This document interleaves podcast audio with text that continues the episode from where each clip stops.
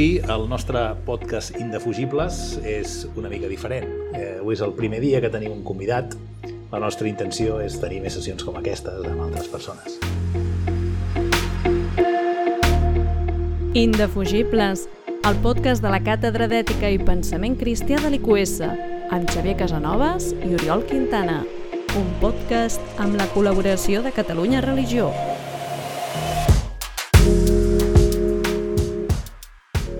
Els parla Oriol Quintana, doctor en Humanitats i professor de la Càtedra d'Ètica aquí a l'IQS i amb mi al meu costat tinc el Xavier Beck, que és alumne del el màster de biotecnologia, que també es fa aquí en aquesta casa, amb el qual hem tingut, he tingut l'honor i el plaer de compartir un curs de, de bioètica. Com que les discussions a classe han sigut bastant animades i, i força interessants, doncs he pensat que el Xavier, com un alumne d'entre altres alumnes que també ho han fet molt bé, doncs eh, podia, podia estar una estona compartint amb nosaltres. No? I el, eh, bona tarda, Xavier, què tal? Bona tarda, Oriol. Merci per convidar-me. Gràcies. Doncs eh, hem, hem estat parlant i un dels temes que, que més ha donat de sí ha estat el de l'experimentació amb animals. No? I una de les coses que més em va interessar, de les coses que, que van sorgir a classe, va ser l'experiència del Xavier eh, bueno, treballant, fent una recerca amb, amb embrions va ser, oi? Ens pot explicar una mica en què consistia? Sí, bé, no és una recerca pròpiament que jo vaig dur, sinó que jo em vaig incorporar a un equip a la Facultat de Medicina i de, i de Ciències de la Salut de la Universitat de Barcelona que estudiàvem el desenvolupament del cervell com una molècula, una molècula influïa, influïa en el desenvolupament del cervell en ratolins. Clar, aquí, per estudiar aquest desenvolupament, necessites aplicar tècniques que han de modificar els embrions. Clar, aquests embrions es desenvoluparan, tu hauràs modificat aquell cervell, però la cosa és que el cervell s'ha de treure per poder-lo estudiar, no, no el pots estudiar in vivo en el, en el ratolí. I una de les coses que més va impactar va ser quan altres persones amb les que jo treballava extreien el cervell, el procediment, tu veies com l'embrió eh, doncs, clar, quan li, li claves alguna cosa, tu dius, això no, no deu estar viu, o sigui, ja l'has tret de la mare, no, no, no creus que estigui viu, doncs sí, ho estava. I veies com, quan li clavaves la pinça per fer l'extracció del cervell, l'embrió es movia i responia a aquest estímul del dolor com aquesta cosa que dius, hòstia, és que no vull estar aquí, no vull estar aquí. Clar, això, és, això per mi va ser impactant, perquè no és una cosa que tu t'ensenya la carrera i no és algo que vegis, però clar, després tens, a part d'aquesta veueta, que diu ai, pobret, ai, no sé què, no s'ho mereix, no, no hauria d'estar aquí. Tu penses i dius, és que és necessari. Gràcies a aquest experiment podràs tu igual a crear una teràpia o, o crear algun fàrmac que tu et permeti combatre una malaltia, per exemple, neurodegenerativa, com pot ser, jo què sé, l'Alzheimer, o inclús podíem intentar arribar a curar algun, algun càncer com el glioblastoma en l'àrea de la neurociència. Clar, la, aquí és el que dic, hosti, l'experimentació amb animals és dura si no tens l'estómac per aguantar-ho, però jo sóc fervent defensor que és necessària si vols avançar en ciència. O sigui, que quan experimentem amb animals, el, el xoc et ve perquè comproves que l'animal està patint, que li causes un sofriment. Sí, eh, tu precisament veus com, el, o sigui, jo vaig veure com l'embrió quan se li clavava la, la pinça, hosti, aixecava el braç, feia aquesta expressió de com de mal, no?, que obres la boca, en ai, ai, ai, ai. Perquè l'embrió de, del ratolí està suficientment format perquè es pugui veure bé a ull nu o és... Sí, es veu bé el, el seu bracet i també es veu bé la boca. És molt petit, tot sigui dit, o sigui, pensa que és més petit o és del tamany de la teva falange, o sigui, estem parlant de gairebé una polzada o menys, mm. i tu ho veus, i tant que ho veus. Bueno, a mi, de, de tota la discussió respecte a l'experimentació amb animals, eh, m'interessa més la part teòrica. I jo crec que, mm. suposo que, que val a dir diríem que ja les legislacions actuals restringeixen molt l'ús amb els animals o l'ús d'animals el restringeixen, el controlen, diguéssim, no, no, és una cosa que està molt, molt reglamentada i clarament va en la línia d'intentar reduir l'ús d'animals per l'experimentació, no? Tu diries que els animals tenen drets i que, per tant, se'ls ha de respectar igual que les persones?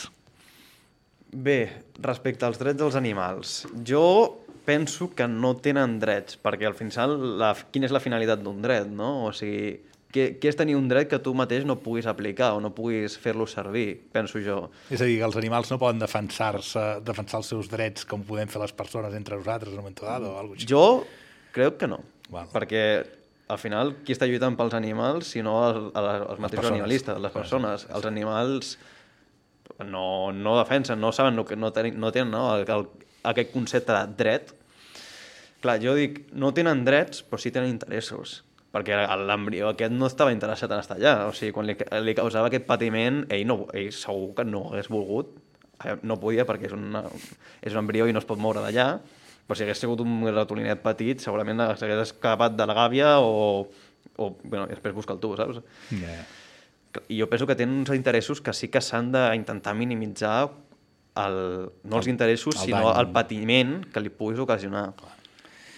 I aleshores eh, diries que... Per tant, dius que els, els animals tenen interessos, cosa que és evident, no? perquè qualsevol ésser viu vol romandre en l'existència, eh, vol no patir, etc. no? Efectivament. Eh, però hi ha una tercera postura a l'hora de- d'enfocar la qüestió dels, eh, de la protecció dels animals, que eh, a mi personalment és la que em convenç més, que com tu ja saps és la que diu que de fet es tracta de les obligacions que les persones adquirim cap al... No, no és que, aquesta postura dirien els animals no tenen drets, com tu ara mateix deies, però també diria els interessos dels animals eh, són irrellevants en el sentit de que no els podem protegir tots, per exemple, no podem protegir els interessos és, és de, obvi, hi ha massa del interessos i si no els entens és més difícil de... però anava a dir, no pots protegir els interessos del krill de ser devorat per una balena blava, saps? O sigui, per tant, quins, no els pots tenir tots en compte, no, no els, no? Mm. És, és un concepte una mica irrellevant en aquest sentit. Però aquest tercer concepte diu que els éssers humans ens podem exigir moralment a nosaltres mateixos com l'únic ésser viu que té, que creiem almenys que té una forma en un, en un estadi, en un sentit de desenvolupament complet, no? que té una moralitat completament desenvolupada, doncs els éssers humans ens podem exigir nosaltres mateixos de respectar els animals. I per tant no estem donant... La, aquesta és la postura que a mi m'agrada, no? O sigui, continua sent humanista, co- continua posant l'home en el centre i diu que, bueno, que els homes tenim l'obligació de respectar els animals, però aquesta obligació la descobrim en nosaltres o ens l'autoimposem o com ho vulguis dir, però els animals queden com, com subordinats. Et sembla una postura aquesta massa humanista?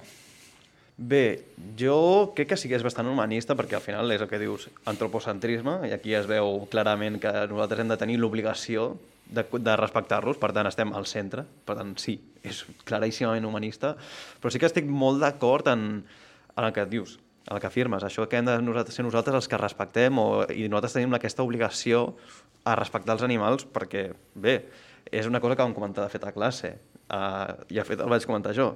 Va haver aquell passatge que era del Gènesi, que Déu va ficar l'home per ser com el guardià, el que cuidés del jardí de l'Eden. Mm. I uh, això va molt en relació amb el que tu em dius. Clar, si tu ets el guardià del jardí de l'Eden, que és on viuen totes les espècies d'animals, com a mínim, si, si ets un bon guardià, has de, un, defendre el que et toca, i dos, tractar de, forma digna, donar-los una digna existència als animals amb els quals tu estàs treballant. I eh, jo crec que això, eh, relacionant-ho ja amb la, amb la investigació en la qual la vaig, vaig participar, jo penso que sí. S'ha de... Hem, nosaltres causarem uns desinteressos perquè els, els animals no els interessa, però hem de garantir en la màxima forma de lo possible que aquests interessos siguin protegits i que aquests animals visquin i morin de forma digna. Ahà. Eh, hi ha una cosa que, que em preocupa amb tot això, perquè eh, la- l'embrió de, de ratolí, diguéssim, és un animal molt, molt petit, indefens, però segurament Totalment. no està... O sigui, d'alguna manera sembla més greu fer mal a animals més desenvolupats i fins i tot a vegades més grans de tamany, de mida, perdó, que no animals com, com menys desenvolupats, com podria ser un embrió, no?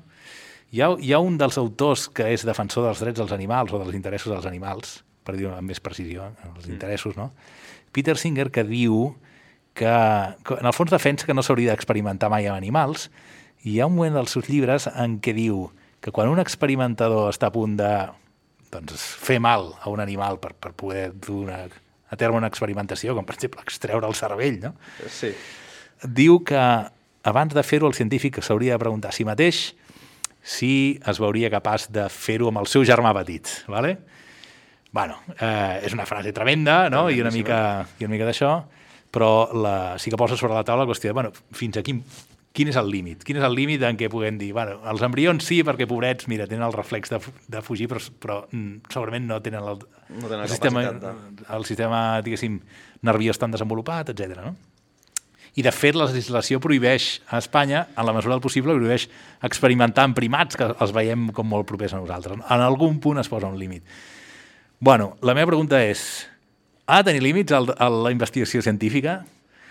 Uf, Quins serien? Aviam, sí, òbviament sí, perquè si donéssim rienda suelta a la ciència, tindríem coses molt bones, perquè imagina't que la, que la religió no, no hagués... En l'edat mitjana la ciència s'hagués desenvolupat, imagina't on podíem ser ara. Recuperar mil anys de història humana en la qual la ciència s'hagués desenvolupat. Aquesta és una primera una, una que te planteges. Sí, sí, sí. sí. Llavors, clar que s'ha de, de, de posar límits, no podem donar-li rienda suelta, o sigui, eh, bueno, mira ja què va passar a Alemanya quan se li va donar rienda suelta a una corrent política. Ja, ja. Va, va passar tot. Llavors, la, la relació amb això de Peter Singer, ho faries tu, això, el que li faries tu a l'embrió, per, per posar-ho en context, ho faries al teu germà petit? Crec que ninguna persona li faria mal al seu germà petit, a menys que fos un psicòpata. Ja, ja. Per tant, sí, s'haurien de ficar límits. Jo crec que sí, però també s'ha d'intentar trobar aquest equilibri entre la investigació científica i també la, la ètica, perquè no, clar que no ens atrevim a... O, bueno, sí que es fa, però no, és, no està igual de ben vist treballar amb un ratolí, que és un animal petit, és com un rosegador, és un, és un rosegador, és com, és com el hàmster que teníem alguns de petits, no? Que no pas un, a un primat, que és un, ja són animals més cars de mantenir, uh, i, no, i no són ni la meitat de propers a nosaltres. Dic els ratolins, els pri- primats, però òbviament que sí que són. I clar, és aquesta proximitat, no només genètica, sinó també de el comportament, Uh, la, la, la, la gesticulació. Tu quan veus un ximpanzé, tu veus que mola els llavis i hosti, sembla que estigui somrient. I veus això. I clar, aquí és quan entres en l'empatia, dius, hosti, és que m'hi puc veure reflexat. I això és el que a tu dius, hòstia, és que hosti, me, fa, me, fa, me, fa mal veure com aquest animal està sent experimentat, que li fan els, els experiments. Ja. Però això té un punt de d'una mica d'irracionalitat, no? perquè si està mal fet, està mal fet. Tant si l'animal aquell pots connectar d'alguna manera i pots sentir empatia, com si no, diguéssim, perquè al final estàs causant sofriment igual, estàs eliminant una vida igual... En fi, Això que dius tu de que està mal fet, jo podia contestar una altra cosa. Hosti, tu t'atreviries a inocular el teu fill amb un medicament experimental que no se sap si és segur o no? Perquè la funció dels animals, en els, en els estudis, de, més que menys de fàrmacs, és valorar quina és la seva seguretat. Ningú fàrmac que no ha sigut aprovat, que no ha passat per aquests estudis, no s'inocula en animals, però tu series capaç de dir-li, hòstia, és que al meu fill, ficar-li aquest medicament, jo, personalment, jo no ho faria. tens raó, o sigui, segurament seria un disbarat... bueno, això ha passat històricament, no? A vegades. Bueno, sí.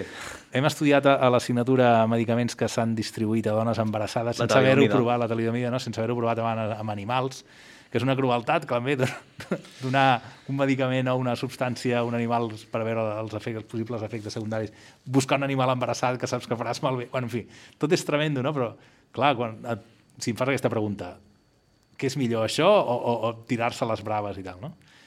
A mi em, fa la, em surt la reflexió de dir, ara surto del cas, eh, perquè parlar del teu fill això és com molt emocional, però també Sí, jo em faig massa. la reflexió que en, en algun punt hem de dir prou, és a dir, en algun punt hem de dir, bueno, ja tenim una vida prou bona a la que, per cert, no estan arribant tots els éssers humans, diguéssim, Això és important. i aleshores, eh, sense tenir un món on hi ha prou justícia i una igualtat de condicions i igualtat de vida entre tots els éssers humans, eh, no passaria res si el nivell de vida que hem assolit ara ja el congelem una miqueta i els esforços que estem destinant a tota la investigació científica, a tot el desenvolupament tecnològic, els desviem una mica a aconseguir que hi hagi una vida de més qualitat, més universalment en el planeta. O sigui, a mi em dius, mira, eh, el teu fill en aquest moment no el podem tractar, el teu fill en aquest moment doncs, no el podem curar, eh, dediquem el, i, i ho has d'acceptar. O sigui, en algun punt hem d'acceptar la mort. Acceptar la mort d'un fill és una cosa molt tremenda, eh? d'acord? Home, és pitjor que, t'enter- que tu enterris a un fill que el teu fill t'enterri sí, a tu. però, però en algun moment, com a humanitat, diguéssim, hem, hem d'acceptar que hi ha certs límits a les coses que podem fer i, i que no podem fer. Abans, quan has dit hem perdut mil anys durant l'edat mitja no? de, no investigar, de no investigar científicament. Uh, potser sí, però també penso, bueno, el, el nivell de desenvolupament tecnològic que tenim ara, hosti, és, és, és, espectacular. És espectacular, és, és espectacular. Èpic, o sigui, què, més, que- què més vols? Viure mil anys i que no, no morir-te mai? Eh, què vols? Éssers humans que volin? No? Arriba un moment que dius, ja estem prou bé, per mi la qüestió prioritària ara és Distribuir redistribuir la riquesa eh, i fer que tothom tingui una vida digna, no? Sí, però això és el que tu dius. No és cosa de, de la ciència, sinó dels que estan a dalt. I per quan que dic que el que està a dalt no és Déu, sinó són els governs. Ja. Bueno, però els governs també depenen de nosaltres, en certa manera, no? Sí. Vull dir que, en fi, no vull tenir l'última paraula, eh, Xavi, però em dóna la impressió que ens passa a tots que tenim massa fascinació per la ciència i massa confiança que el desenvolupament tecnològic per si mateix ens ha de portar no sé on, no? Ja ho dic que arriba, arriba un moment en què hem d'acceptar les limitacions de la vida i, i no sé, eh? és molt dur dir-ho del teu fill i tal, Moltíssim. però en algun moment has de... Bé, uh, respecte a les limitacions, suposo que en algun moment sí, s'haurà de d'acabar o sí que és això molt noble de redistribuir-ho, però bé, no sé fins a quin punt serà això factible. Jo tampoc, però bé, és un debat d'aquests indefugibles que algun dia haurem de tenir. Exacte. Bé, moltes gràcies, Xavier, A tu, Gabriel, per i, convidar-me. i ens, espero que ens puguem veure algun altre dia. Adéu-siau. Adéu.